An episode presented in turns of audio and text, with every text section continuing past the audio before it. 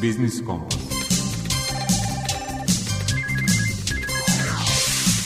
Biznis Kompas.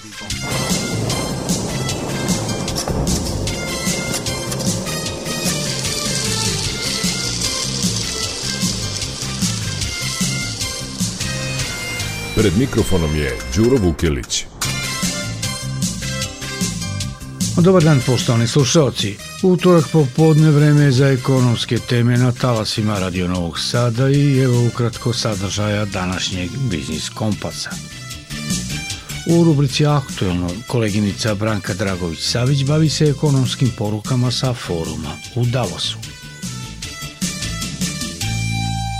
Koliko industrija ambalaže u Srbiji prati svetske trendove i kakvu joj podršku u tome pruža laboratorija za ambalažu i pakovanje na Tehnološkom fakultetu u Novom Sadu, tema je rubrike iz mog ugla i izlaganja rukovodioca laboratorije profesora doktora Senke Popovići. O uslovima konkursa Ministarstva turizma i omladine namenjenog poboljšanju kvaliteta turističke ponude u rubrici Svet preduzetništva govori rukovodilac projekata u regionalnoj razvojnoj agenciji Bačka Marija Prokopić. U sezoni zimovanja i ski sportova vredno je imati polisu putnog osiguranja koja obuhvata i rizike od povreda na snežnim sportovima – O uslovima ugovaranja te vrste osiguranja u rubrici Predmet financije govori Jelena Popović iz sektora za zaštitu korisnika finansijskih usluga u Narodnoj banci Srbije. Koliko puta vam se dogodilo da neki primerak bele tehnike potraje tek poneki dan duže od dvogodišnjeg zakonskog roka garancije – Takva praksa trebalo bi uskoro da postane prošlost i u Evropskoj uniji i u Srbiji, objašnjava u rubrici Potrošačka korpa prava predsjednik Udruženja za zaštitu prava potrošača Prosperitet Radomir Ćirilović. Čuli smo šta nas očekuje narednih 50 minuta druženja uz Biznis Kompas. Poslušajmo i prvu muzičku numeru za danas.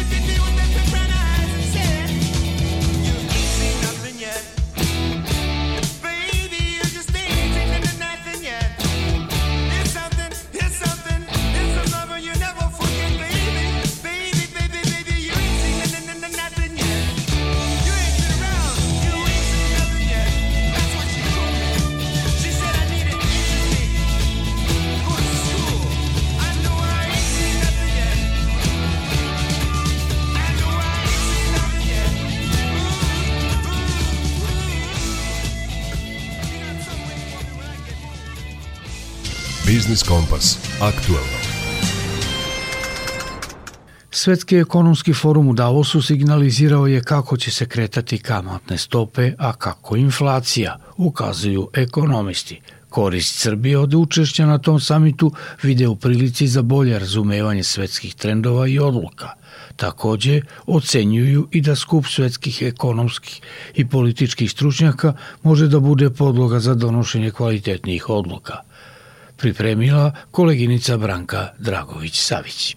Korist od sastanaka u Davosu je u tome što omogućavaju da se dobiju informacije od ključnih ljudi, onih koji donose odluke, kaže profesor Beogradske bankarske akademije Mališa Đukić. On navodi da su se na ovom forumu mogli videti i jasni signali da u prvoj polovini tekuće godine nije realno očekivati smanjenje kamatnih stopa. Naime, u Davosu su i čelnici Europske centralne banke najavili da će tek na leto verovatno sniziti referentne kamatne stope, ali samo ukoliko se inflacija definitivno stavi pod kontrolu. Inflacija se globalno, dakle, i u Evropi i u Americi kod nas smanjuje i to je svakako a, dobro i postoji taj trend daljeg pada inflacije, odnosno sporavanja rasta cena. Ne možemo izvesti zaključak da je taj posao u smislu borbe sa inflacijom završen, jer postoje neizvesnosti geopolitičke prirode koje mogu uticati na buduće kretanje cena. Predstavnici centralnih banaka, dakle poslovnog sveta, daju svoje očekivanje i kroz recimo rezultate anketa mi možemo mnogo toga korisnog e, saznati. To ne znači da su to tačno predviđene i to ne znači da su to rešenja, ali činjenica da na jednom mestu imate ljude koji faktički odlučuju o, o ključnim dešavanjima na planeti je i za širu javnost e, vrlo važno. Dakle, neizvesnosti u smislu uticaja geopolitike se prenose na ekonomiju. On ističe da je ključni globalni ekonomski izazov sa kojim se suočavaju brojne kompanije uticaj veštačke inteligencije na poslovanje. Objavljeni su rezultati ankete koja je sprovedena na Davos u smislu očekivanja velikog broja kompanija i e, samog poslovnog modela koji oni treba sada da menjaju. Oni kažu, ako nešto ne uradimo po pitanju načina koji poslujemo, možda ćemo za 5 10 godina nestati. Uzrok pritiska da se promeri način poslovanja opšte samog modela jeste veštačka inteligencija, odnosno uticaj koje ona de facto već sada ima i to je jedno zaista od ključnih globalnih i lokalnih pitanja u smislu kako na koji način dalje postupati, odnosno regulisati ovu oblast jer uticaj je ogroman, dakle nije samo u delu informacijalnih tehnologija, nego utiče na strukturu ekonomije, na broj radnih mesta, na opis poslova koje neko treba da obavlja i tako dalje. Zato je neophodno pravno regulisanje upotrebe veštačke inteligencije i donošenje seta pravila koje bi negativne efekte po društvo i ekonomiju sveli na minimum, rekao je Đukić za RTS. Međunarodni monetarni fond je izašao sa procenom da veštačka inteligencija može uticati na 40% radnih mesta, što ne znači nužno smanjenje u tom broju radnih mesta, ali svakako da postoji ogroman uticaj. Dakle, niko ne zna u kom smeru će konkretno efekti biti, ali da postoji ogroman i veliki uticaj da će ga biti je izvesno. Ovakvi skupovi, dakle, na kojima imate na jednom mestu i političare i ekonomiste, odnosno predstavnike vodećih svetskih banaka, međunarodnih finansijskih institucija su vrlo korisni, jer čućete mnogo interesantnih stvari, bolje ćete razumeti okolnosti, odnosno dešavanja, imaćete osnovu za kvalitetnije izvođenje zaključaka, odnosno odluka koje kasnije mogu imati neke efekte. I profesor ekonomskog fakulteta u Beogradu Dragan Đuričin ističe značaj Davosa u pogledu pronalaženja rešenja za globalne izazove, ukazujući da je geopolitika bila centralna tema ovogodišnjeg ekonomskog foruma. To je posledica činjenice da svetska ekonomija nije u stanju da raste po održivoj stopi rasta, da smanjuje siromaštvo i da rešava glavne strukturne neravnoteže koje su vezane za socijalno-ekonomski sistem, ekonomskog neoliberalizma, kao i za druge neravnoteže koje se javljaju u fizičkom sistemu i u biološkom sistemu. Dakle, geopolitika uvek se pojavljuje kada ekonomija proklizava. I to se dešava poslednjih 20-25 godina sa indikacijama, a od 2008. do danas veoma intenzivno Prema njegovim rečima, rešenje se mora tražiti u zelenoj tranziciji prema održivoj ekonomiji. Svetska privreda se nalazi u krizi sa duplim dnom. S tim da je jedno dno visoka inflacija, drugo dno je recesija, tako da se mi nalazimo u stagflaciji. Bez promene paradigme ekonomije, a to znači bez zelene tranzicije prema održivoj ekonomiji koja vodi računa o ograničenjima prirode, a ne o ličnim interesima akcionara, nema boljitka. Prema tome, Davos čak nije ni mesto donošenja odluka nekakvih tajnih klubova, kao što su mnogi skloni da kažu, već je to mesto gde se okupljaju ljudi koji imaju šta da kažu i imaju šta da predlože kako bi došlo do nekakvog konsenzusa u pravcu traženja rešenja. Ovo je vreme kriznog menadžmenta. Prema analizi Međunarodnog monetarnog fonda, veštačka inteligencija u razvijenim zemljama uticaće na čak 60% svih radnih mesta, od kojih na polovinu negativno, u smislu pada potražnje za radnom snagom, pada dnevnica, pa i ukidanja nekih poslova. Projekcije MMF-a pokazuju i da će u nerazvijenim zemljama pod uticajem ove tehnologije biti 28% poslova, ali će izostati pozitivni efekti, jer te zemlje nemaju infrastrukturu ili znanje da bi imale dobiti od upotrebe veštačke inteligencije zbog čega se očekuje još veće zaostajanje nerazvijenih i povećanje globalnih nejednakosti.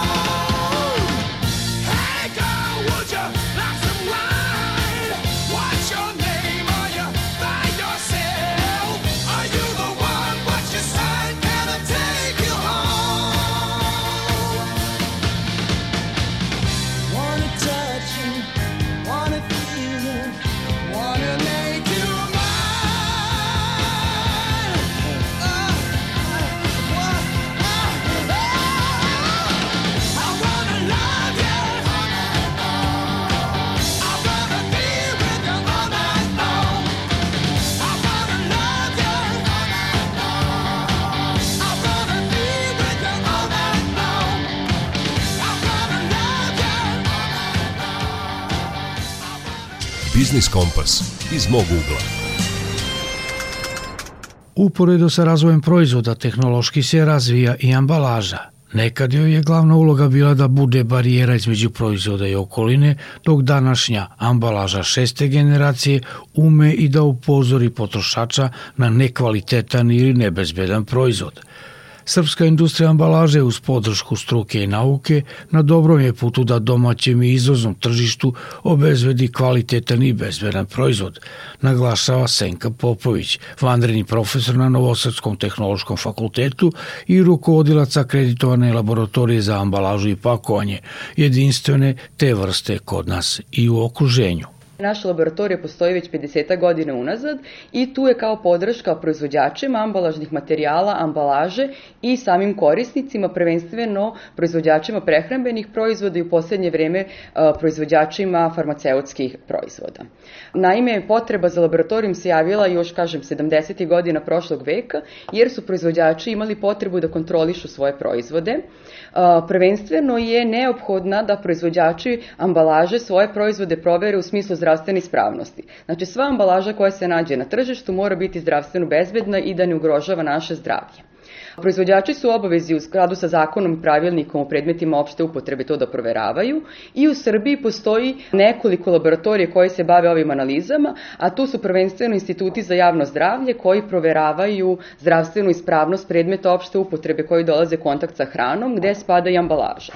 Međutim, ono po čemu je naša laboratorija prepoznatljiva su provere, odnosno analize ostalih osobina ambalaže koje proizvođači moraju da zadovolje u skladu sa zahtevima industrije, ali i nacionalnom i međunarodnom regulativom, odnosno pravilnicima i standardima. A to znači barijerna svojstva, mehanička svojstva, strukturna, sve ono što je neophodno da ambalaža ispuni da bi na adekvatan način čuvalo upakovan proizvod. I u tom smislu mi radimo analize u skladu sa nacionalnim, prvenstveno nacionalnim standardima, proveravamo kvalitet ambalaže. Posebno je interesantno da ambalaža mora da bude nosilac informativnih podataka, odnosno podataka o proizvodu i proizvođaču, da bude dizajnom prihvatljiva, odnosno da prodaje proizvod i da bude zgodna za funkcionalnu upotrebu upakovanog sadržaja. Poslednjih godina se pred ambalažu stavlja još jedan zahtev, a to je da je ekološki prihvatljiva, da ne narušava životnu i ne ugrožava životnu sredinu ni tokom njene proizvodnje, ali nikada postaje ambalažni otpad. S obzirom da je ambalaža velika priča, vrlo aktuelna priča, a deo koji se odnosi na ekologiju je priča za sebe, ne bi sada posebno stavljala akcenat na tu priču, možda u nekoj drugoj emisiji. Ovde bi posebno istakla savremene pristupe koji proizvođači hrane zahtevaju od proizvođača ambalaže, a to je da se proizvede aktivna inteligentna ambalaža. Naime, do skoro je ambalaža bila pasivna barijera između proizvoda i okoline i čuvala proizvod od rasipanja i uticaja spoljašnjih faktora. Međutim, kako proizvođači hrane imaju potrebu da svoje proizvode distribuiraju i na strana, daleka tržišta, onda je neophodno sačuvati kvalitet proizvoda i tokom transporta na udaljene lokacije, tokom skladištenja i tokom upotrebe. I tu se javlja nova šesta generacija ambalaže to je aktivna ambalaža koja više nije pasivna barijera nego ima aktivne agense i na taj način produžava rok trajanja. Druga interesantna savremena vrsta ambalaže je inteligentna ambalaža. Ona pruža podatke o eventualnim promjenama na proizvodu koji mogu štetno da deluju na naš organizam, odnosno ako postoji sumnja da je proizvod nebezbedan i nekvalitetan, ambalaža će nam pružiti tu informaciju. Kakva je situacija sa proizvodnjom ambalaže na našem tržištu po pitanju svih tih zahteva koji se postavljaju? Ne postoji ni jedna ambalaža koja je univerzalna i da može da štiti sve proizvode. Zato imamo i metalnu, i staklenu, i papirnu, polimernu ambalažu i na našem tržištu postoje proizvođači svih tih kategorija ambalaža. Postoje proizvođači sa dugom tradicijom, postoje i novi proizvođači i svi oni se trude da e, ispune zahteve svojih korisnika, zakone i pravilnike politike koji se postavljaju pred njih, odnosno standarde, ali i da prate savremene trendove. Malo je to teško s obzirom na situaciju u kojoj živimo, s obzirom da svi ti novi trendovi negde utiču i da ambalaža malo poskupi, ali se naši proizvođači zaista trude. Ja mogu da kažem da meni posebna čast što sa proizvođačima ambalaže radim u sekciji za u Institutu za standardizaciju, ja sam predsjednik sekcije za ambalažu, gde radim sa renomiranim fabrikama ambalaže ambalaže i mogu da kažem da su naše fabrike, odnosno tehnolozi u fabrikama vrlo upoznati sa regulativama, sa zahtevima i tržišta i standarda i da se trudimo da i nacionalne standarde prilagodimo savremenim trendovima. Takođe, proizvođači ambalaže su vrlo dobro organizovani i u sekcijama u privrednoj komori i učestvuju u radnim grupama koje donose nacionalne propise, te mogu samo da zaključim da proizvođači, tržište i eto mi u laboratorijama pokušavamo da krajnjim korisnicima obezbedimo kvalitetne i bezbedne proizvode i mislim da smo na nekom dobrom putu.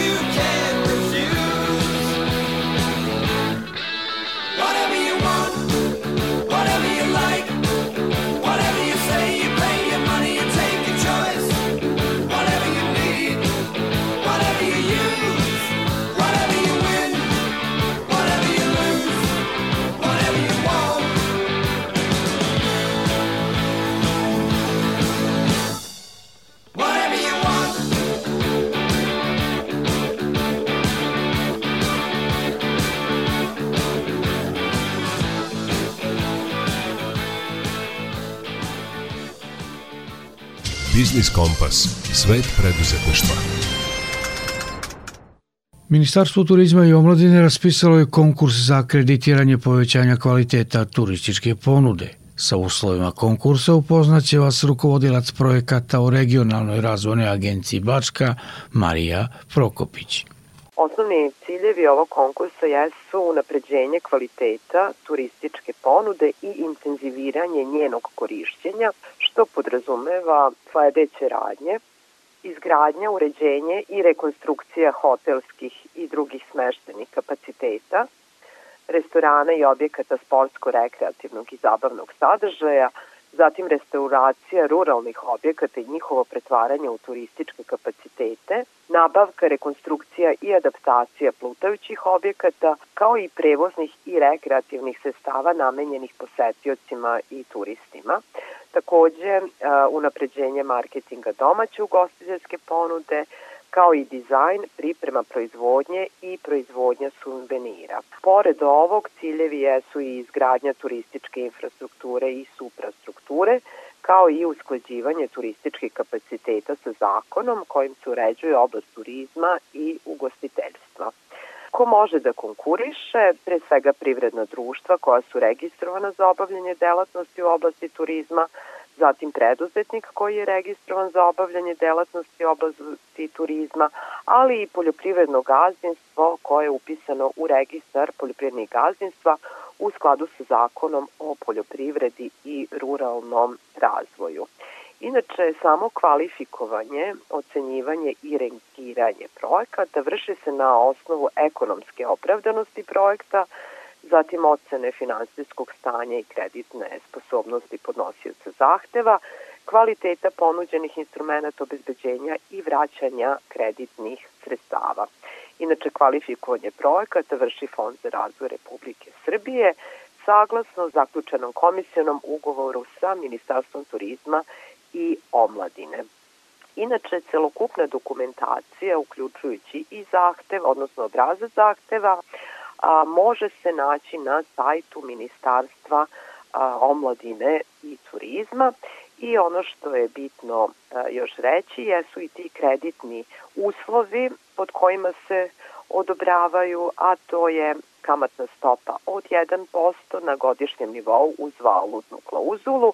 Rok otplate dodeljenih kreditnih sestava je do 72 meseca po istoku odleženog roka koji traje 12 meseci i računa se od dana prvog povlačenja kreditnih sestava, osim za Greenfield investicije, kojima se finansira izgradnja turističke infrastrukture i suprastrukture, a gde je ovaj odložni rok 24 meseca i računa se od prvog povlačenja takođe kreditnih sredstava. Inače, otplata kreditnih sredstava vrši se u tromesečnim anuitetima, koji dospevaju 31. marta, 30. juna, 30. septembra i 31. decembra u godini.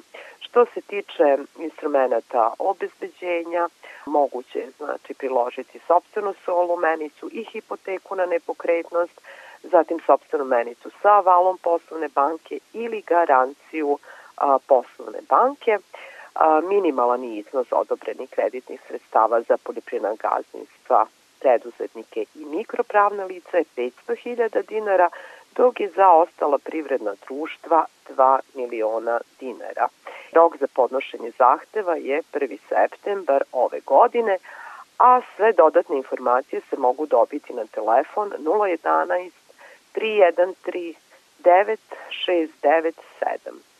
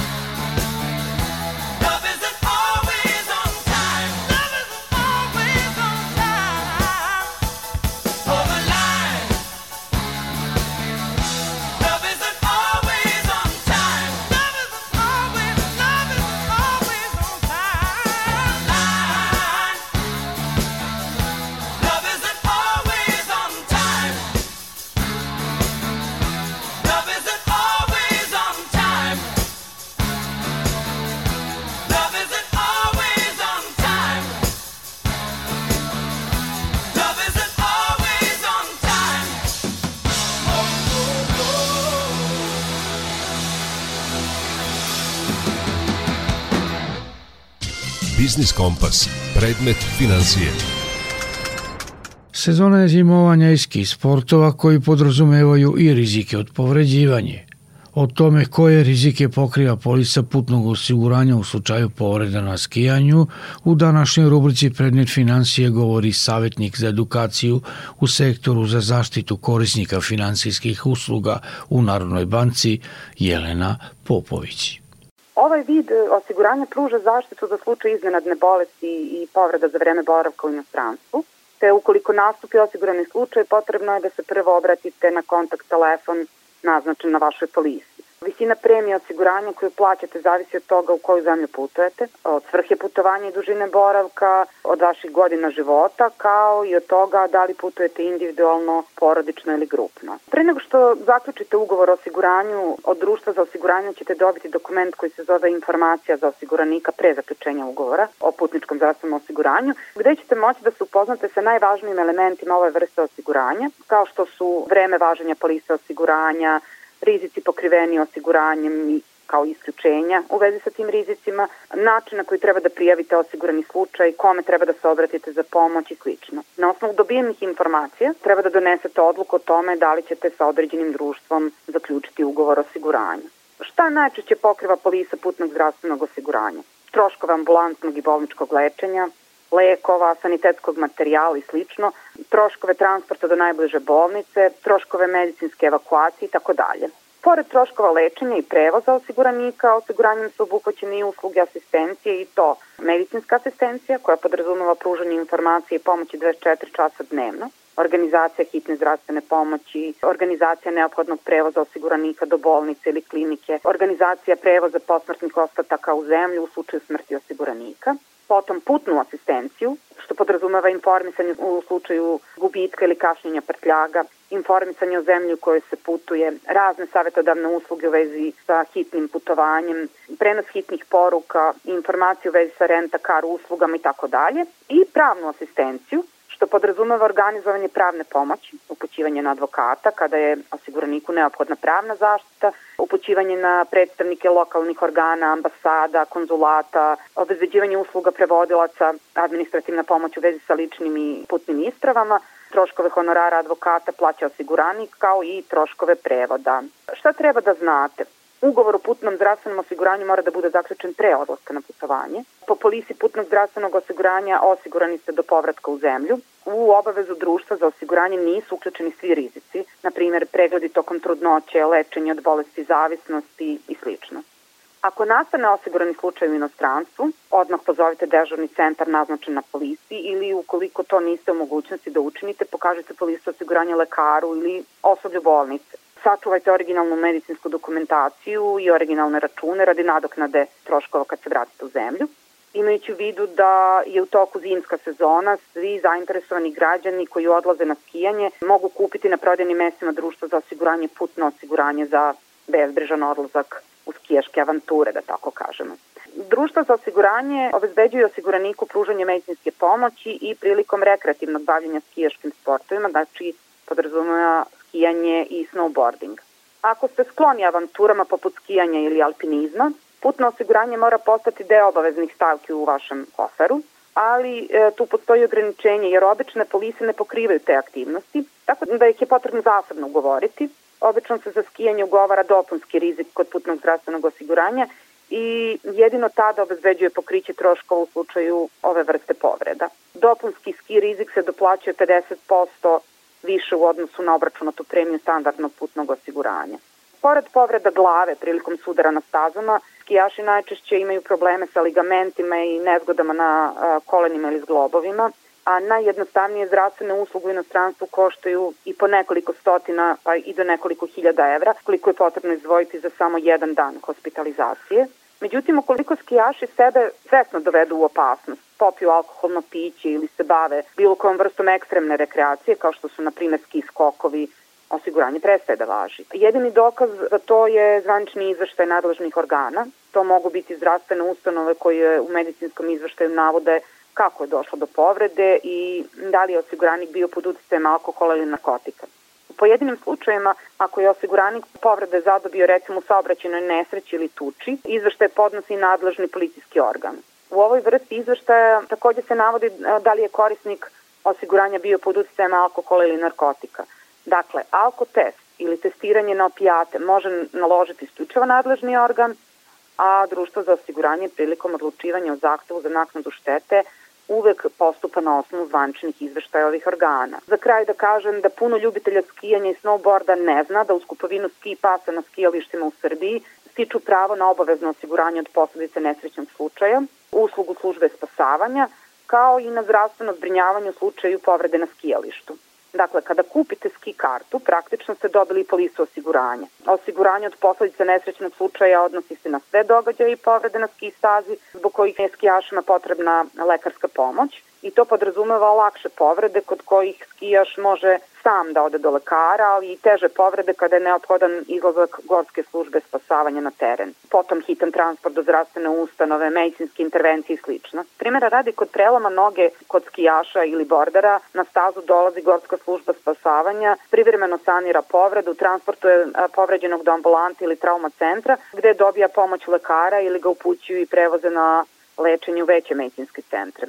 Sve ovo je besplatno zahvaljujući osiguranju koje se dobija u ski pas. Dakle, ovo o čemu sam sada pričala je vezano za skijališta u Srbiji, a kada je u pitanju putno zdravstveno osiguranje, ono se odnosi na putovanje u inostranstvo. Everything I do, I do for you.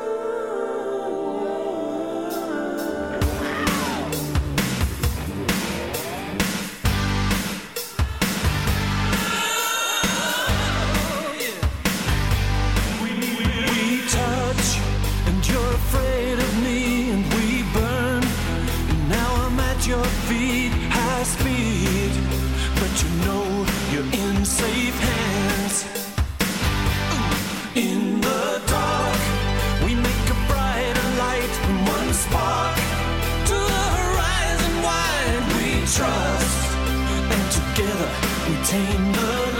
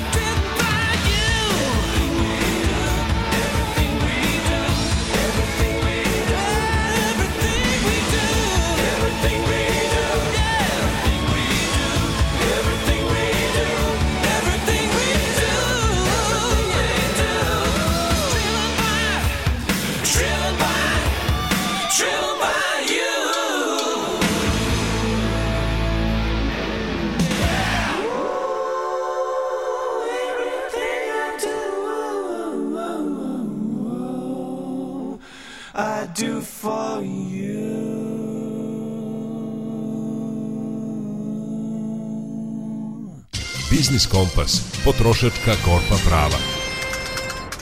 Koliko puta vam se dogodilo da neki primjerak bele tehnike potraje tek neki dan duže od dvogodišnjeg zakonskog roka, garancije?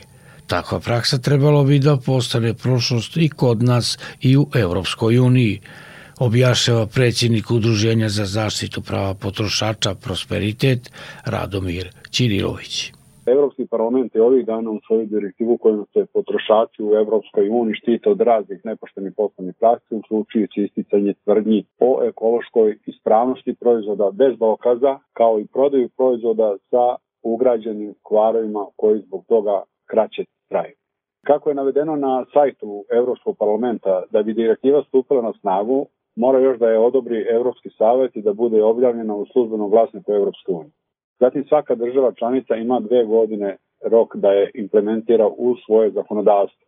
Ovu obavezu takođe imaju i sve zemlje kandidatkinje za članove u Evropskoj uniji, uključujući i Srbiju, jer se obavezala da svoje propise i prakse usklade sa evropskim na osnovu potpisanih sporozuma o asocijaciji i pridruživanju.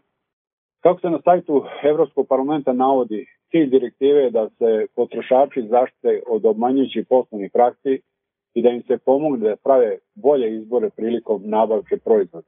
Da bi se to postiglo, niz problematičnih tržišnih praksi u vezi sa ekološkom manipulacijom i ranim kvarenjem proizvoda biće pridodat postojećoj listi zabranjenih poslovnih praksi na teritoriji Evropske unije, što do sada nije bio slučaj. Dakle, direktivom se insistira na jasnim i istinitijem obaveštavanju potrošača prilikom označavanja proizvoda, pa se zabranjuje korišćenje uopštenih ekoloških tvrdnji poput ekoloških prijateljskih proizvoda, zatim prirodno po znakom navoda, biorazgrađivo, a ono nije biorazgrađivo, klimatski neutralno i eko i tako dalje, ako za te tvrdnje ne postoje dokaz, takve ti termini se neće smeti više koristiti. Reguliš se i označavanje proizvoda ovom direktivom tvrdnjama o održivosti. U budući će biti dozvoljno samo ako je zasnovano na zvaničnim certifikovanim ili na procedurama koje ustanovi institucije određene. Ovom direktivom stavlja se naglas na trajanje dobara, pa će u buduće informacije u vezi sa garancijom morati da budu uočljivije, a bit će stvorena nova harmonizovana oznaka kako bi se istakli proizvodi sa produženim garantnim rokom. Novim pravilima se zabranjuju neosnovane tvrdnje o trajnosti proizvoda. Na primjer da će mašina za pranje veša izdržati više hiljada ciklusa korišćenja ako to pod normalnim okolnostima nije istinito. Zatim navođenje potrošača da zamene uređaj novim preno što je to u istinu potrebno i predstavljanje proizvoda kao popravljenih kad oni to nisu. Navodi se u saopštenju Evropskog parlamenta. Dakle, nama ostaje da ovu direktivu implementiramo u naše zakonodavstvo i još neke nove direktive koje su u planu i na nivou države je formirano radno telo, odnosno komisija za izmenu i dopunu zakona o zaštitu potrošača kojim će se implementirati sve direktive i preporuke Evropske unije.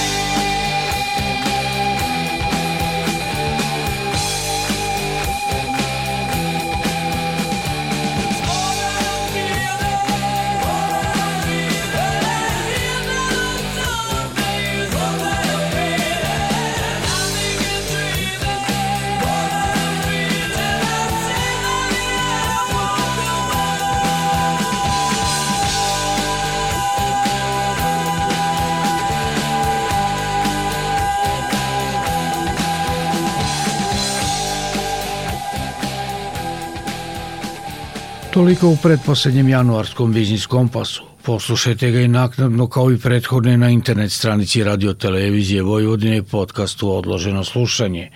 Muzički urednik Zoran Gajinov, ton majstor Marica Jung i urednik emisije Đuro Vukelić vam žele ugodan nastavak popodneva i večeri uz program Radio Novog Sada. Zdravi bili i čuvajte se.